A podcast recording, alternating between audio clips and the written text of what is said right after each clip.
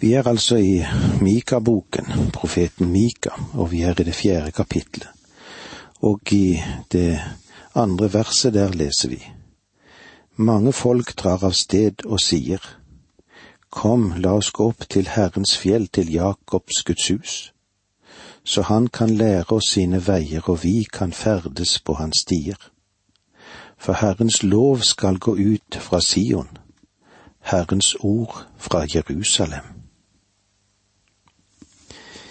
I tusenårsriket vil Israel, i skal vi si den gjenopprettende herlighet, bli sentrum i en fornyet verden. Denne gjenopprettelsen vil føre til stor ære for Gud og til velsignelse for menneskeheten.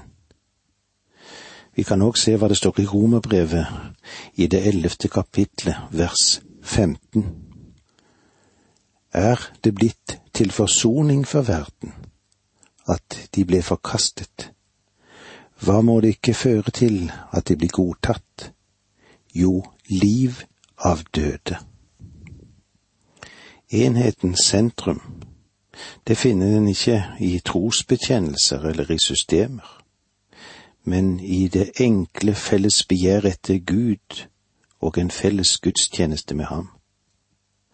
Når menneskene får lov til å oppleve enheten i Gud, så vil en ikke lenger få lyst til å føre krig, og det sosiale livet blir preget av trygge hjem, slik vi òg vil se det når vi går videre inn i dette kapitlet. Vi har altså sett at mange folk drar av sted. Kom, la oss gå opp til Herrens fjell, til Jakobs hus, så han kan lære oss sine veier, og vi kan ferdes på hans stier. For Herrens lov skal gå ut i Sion, Herrens ord fra Jerusalem. Hva er det vi kan legge merke til her? Kanskje noe av det sensasjonsmakeriet som florerer omkring profetiene, er at de er fullbyrdet i landet, men nå er de på mange måter bare en kløe i øret på en del kristne, en del umodne kristne. Det er selvfølgelig både godt og inspirerende å høre at vi nettopp nå ser, ser at fullbyrdelsen av profetiene, det betyr altså at slutten, den er rett rundt hjørnet. I forrige århundre hørte vi rett som det var at eh, nå skulle det skje noe. Det var fastlagt mange ganger at Jesus skulle komme igjen, men ingen vet tid og sted. Og selv om jeg tror at vi nærmer oss slutten, så har jeg ingen spesiell åpenbaring eller informasjon fra Herren som bekrefter det. Det er ennå en del av Skriften, det, og som faktisk kan antyde at kanskje det er en liten stund igjen. Jeg skulle ønske at forkynnerne som er opptatt av profetiene, ville lese alle profetiene i Skriften, og holde det hele sammen, eller hele dette bildet sammen. Og om de gjør det, så ville de kanskje få åpenbart at profetier som Mika forkynte, blir ikke fullbyrdet. Guds ord går ikke ut fra Jerusalem i dag. Å drive med spredning av Det nye testamentet som en stor organisert virksomhet fra dette sted vil by på store vanskeligheter. Nei, Guds ord strømmer ikke ut fra Jerusalem som Mika sa at det ville gjøre. Den vidunderlige profetien i dette kapitlet vil bli fullbyrdet under tusenårsriket, når Kristus selv hersker i Jerusalem. Da skal overhodene for verdens store hovedsteder i Peking, i Berlin, London, Washington, Tokyo og hva det måtte være, dra til Jerusalem for å bli lært av Kristus selv om hans veier. Vers tre, kapittel fire. Han skal skifte rett mellom mange folk, felle dom for mektige folkeslag langt borte. De skal smi sine sverd om til plogskjær og spydene til vingårdskniver. Folk skal ikke lenger løfte sverd mot folk, og ikke lenger lære å føre krig. Han skal skifte rett mellom mange folk, dette er igjen den Herre Jesus Kristus, Messias, når han vender tilbake til jorden andre gang for å herske. Kan du se for deg verdens nasjoner bringe sine disputter og sine uoverensstemmelse til ham for å få rettledning? Det som blir nevnt i dette verset, kan ikke skje før han kommer. De skal smi sine sverd om til plogskjær og spydene til vingårdskniver. Dette verset står òg som motto for De forente nasjoner. Tro meg, det er ikke den samme som dette hører til. Dette verset er ikke fullbyrdet gjennom De forente nasjoner. Der foregår striden for fullt om enn med mer taktiske våpen enn sverd og spyd. Men tenk deg at dette ordet en dag skal oppfylles. Det skjer når Kristus kommer. Folk skal ikke lenger løfte sverd mot folk, og ikke lenger lære å føre krig. Det er helt åpenbart for den som vil se, at vi er ikke kommet til dette stadium ennå og vi vil heller ikke gjøre det før fredsførsten hersker. Fordi han ikke er hersker i vår tid, blir heller ikke sverdet smidd om til plogskjær. I stedet er det spørsmål å holde, å holde kruttet tørt. Visst er det slik at alle som ikke ønsker krig, vil at avrustningen skal fortsette og de store summer som brukes til militæropprustning og vedlikehold, skal kunne brukes til bedre formål. Men så lenge som vi lever i denne onde verden, ikke i drømmenes verden, men i en bitter virkelighetsverden, er det vanskelig for å få alle til å la våpnene tie. Jesus sa det slik, den sterke vokter med våpen i hånd gården sin. Det står i Lukas 11,21. Holder han den ved å vende det andre kinnet til? Når du leser om å vende det andre kinnet til, så må du lese bergprekenen og huske at det er kongen som taler. Og han henviser ikke bare til den aktuelle situasjon, men til det som skal komme når han hersker over jorden. Når Han hersker, kan vi gjøre oss av med all beskyttelse. Vi trenger ingen lås på våre dører da. Men til den tid opprinner, ja, da vil jeg låse min dør. Det er en slik verden vi lever i nå. Disse profetiene som Mika gir, gjelder ikke for dagen i dag. De søker frem mot de siste dager og la oss sette dem i den riktige sammenheng. Vers fire. Men alle skal sitte trygt, hver under sitt vintre og fikentre, og ingen skal skremme dem, for Herren, allers Gud, har talt. Men alle skal sitte trygt, hver under sitt vintre og fikentre, og ingen skal skremme dem ville du påstå at dette verset er fullbyrdet i Israel i dag? I dag er de absolutt redde. Hvorfor? Fordi de ikke er der ifølge en oppfylt profeti. For Herren allers Gud har talt. Det er Gud selv som har sagt dette. Gud sier at når han plasserer dem i landet, så skal de leve der i fred og ha overflod. Vers fem Alle folkene vandrer hver i sin Guds navn, men vi skal for evig og alltid vandre i Herren vår Guds navn. Tanken er at i fortiden vandret de etter sine egne guder, men i fremtiden, ja, i fremtiden vil de bare vandre den veien som Herren allers Gud viser. Og med disse ordene sier vi takk for nå, må Gud være med deg. Dette undervisningsprogrammet består av to deler. Åge Nevland fortsetter nå med andre del av dagens undervisning. Vi er i profeten Mika. Vi er i det fjerde kapitlet. Og eh, vi ser hvordan Mika kan få lov til å lære både datidens og nåtidens mennesker om hvilket forhold de har til Jesus Kristus. I det femte verset der leser vi alle folkene vandre hver i sin Guds navn, men vi skal for evig og alltid vandre i Herren vår Guds navn. Når menneskene får lov til å oppleve enheten i Gud, så vil de ikke lenger få lyst til å føre krig. Og det sosiale livet, det blir preget av trygge hjem. Vi får eh, lov til å se at Israel skal få sitt eget land, og det har vi sett. Babylon står muligens ikke bare som et uttrykk for den nasjonen som førte jødene i fangenskap, men alle hedningenasjonene som har forfulgt det utvalgte Guds folk. Og nå skal vi legge merke til hvordan Gud utfrir og hjelper i prøvelser.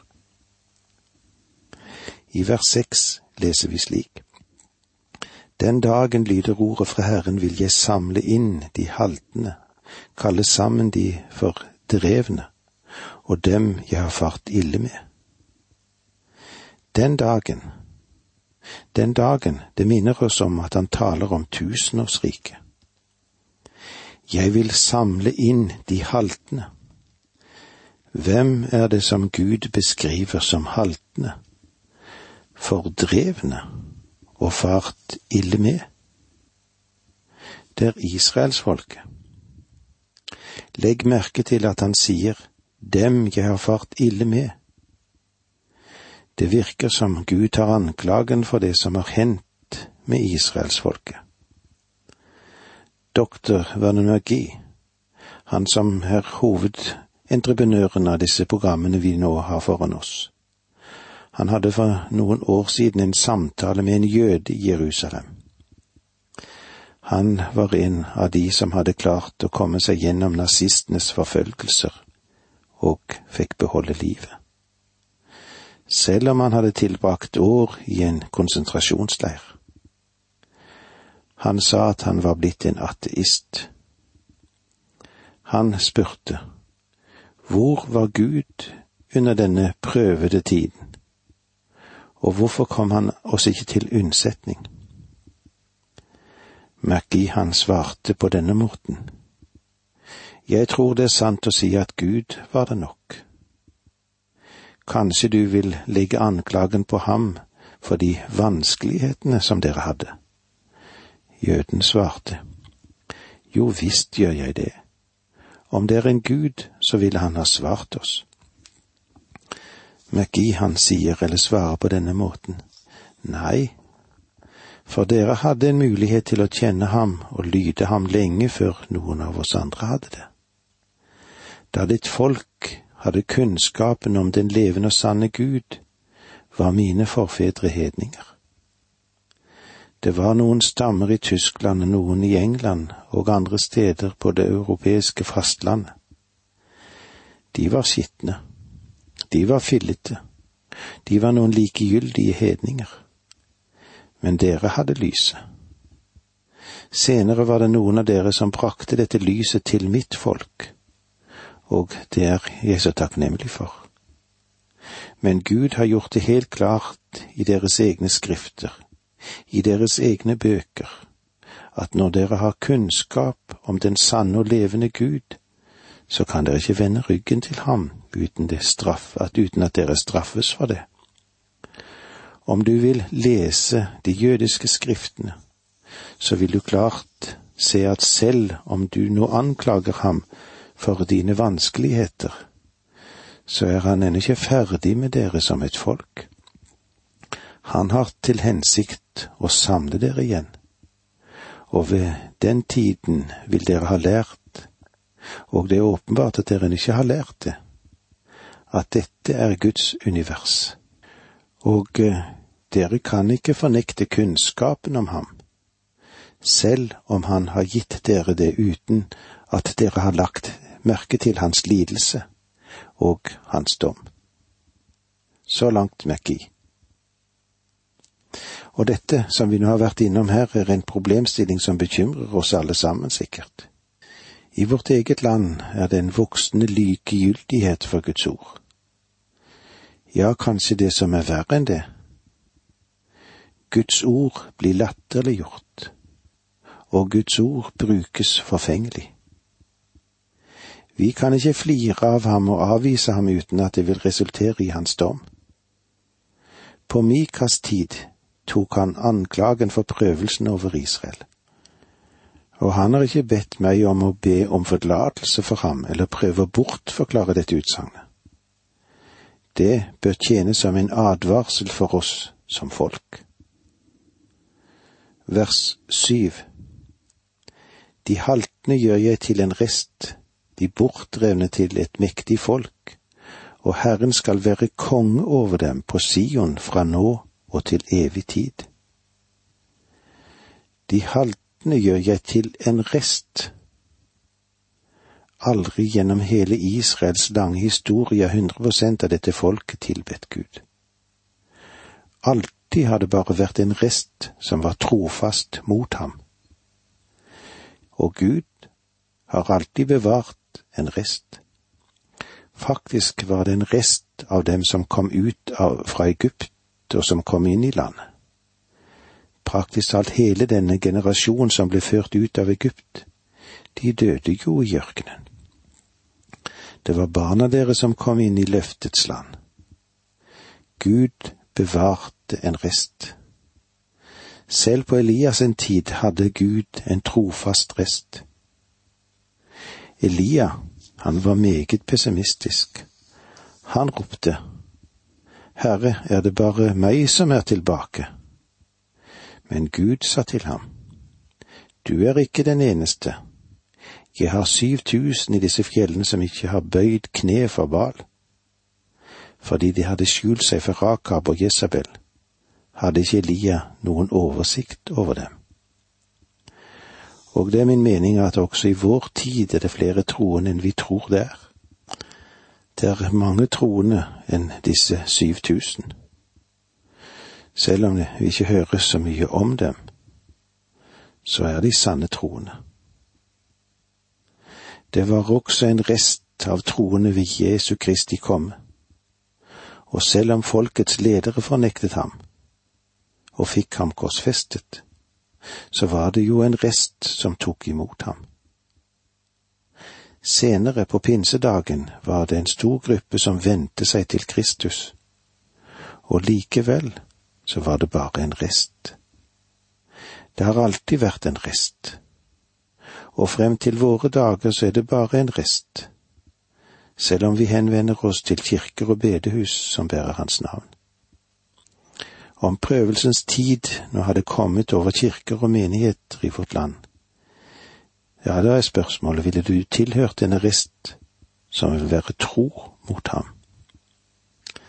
Se ikke på det som noe merkelig at prøvelsens tid kommer til oss som kirker og medlemmer i menigheter.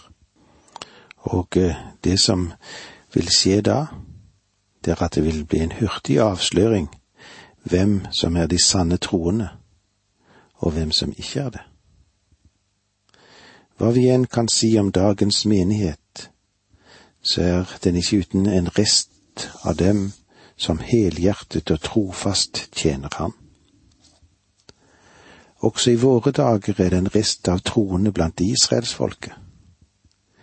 Ja, den er kanskje større enn det vi er riktig klar over. I ethvert folk som Kristi navn har vært nevnt over, er det en viss rest av sanne troende. Selv om det ikke alltid blir identifisert som en lokal menighet. Gud har alltid en trofast rest. Ordet rest i Bibelen er meget viktig. Jeg tror det vil være nyttig for deg å tenke over dette. På Mikas en tid så sier Gud at de som det er faret ille med, vil han skape en rest. Han vil samle dem inn igjen for å gjøre dem til et mektig folk, og Herren skal være konge over dem på Sion fra nå og til evig tid.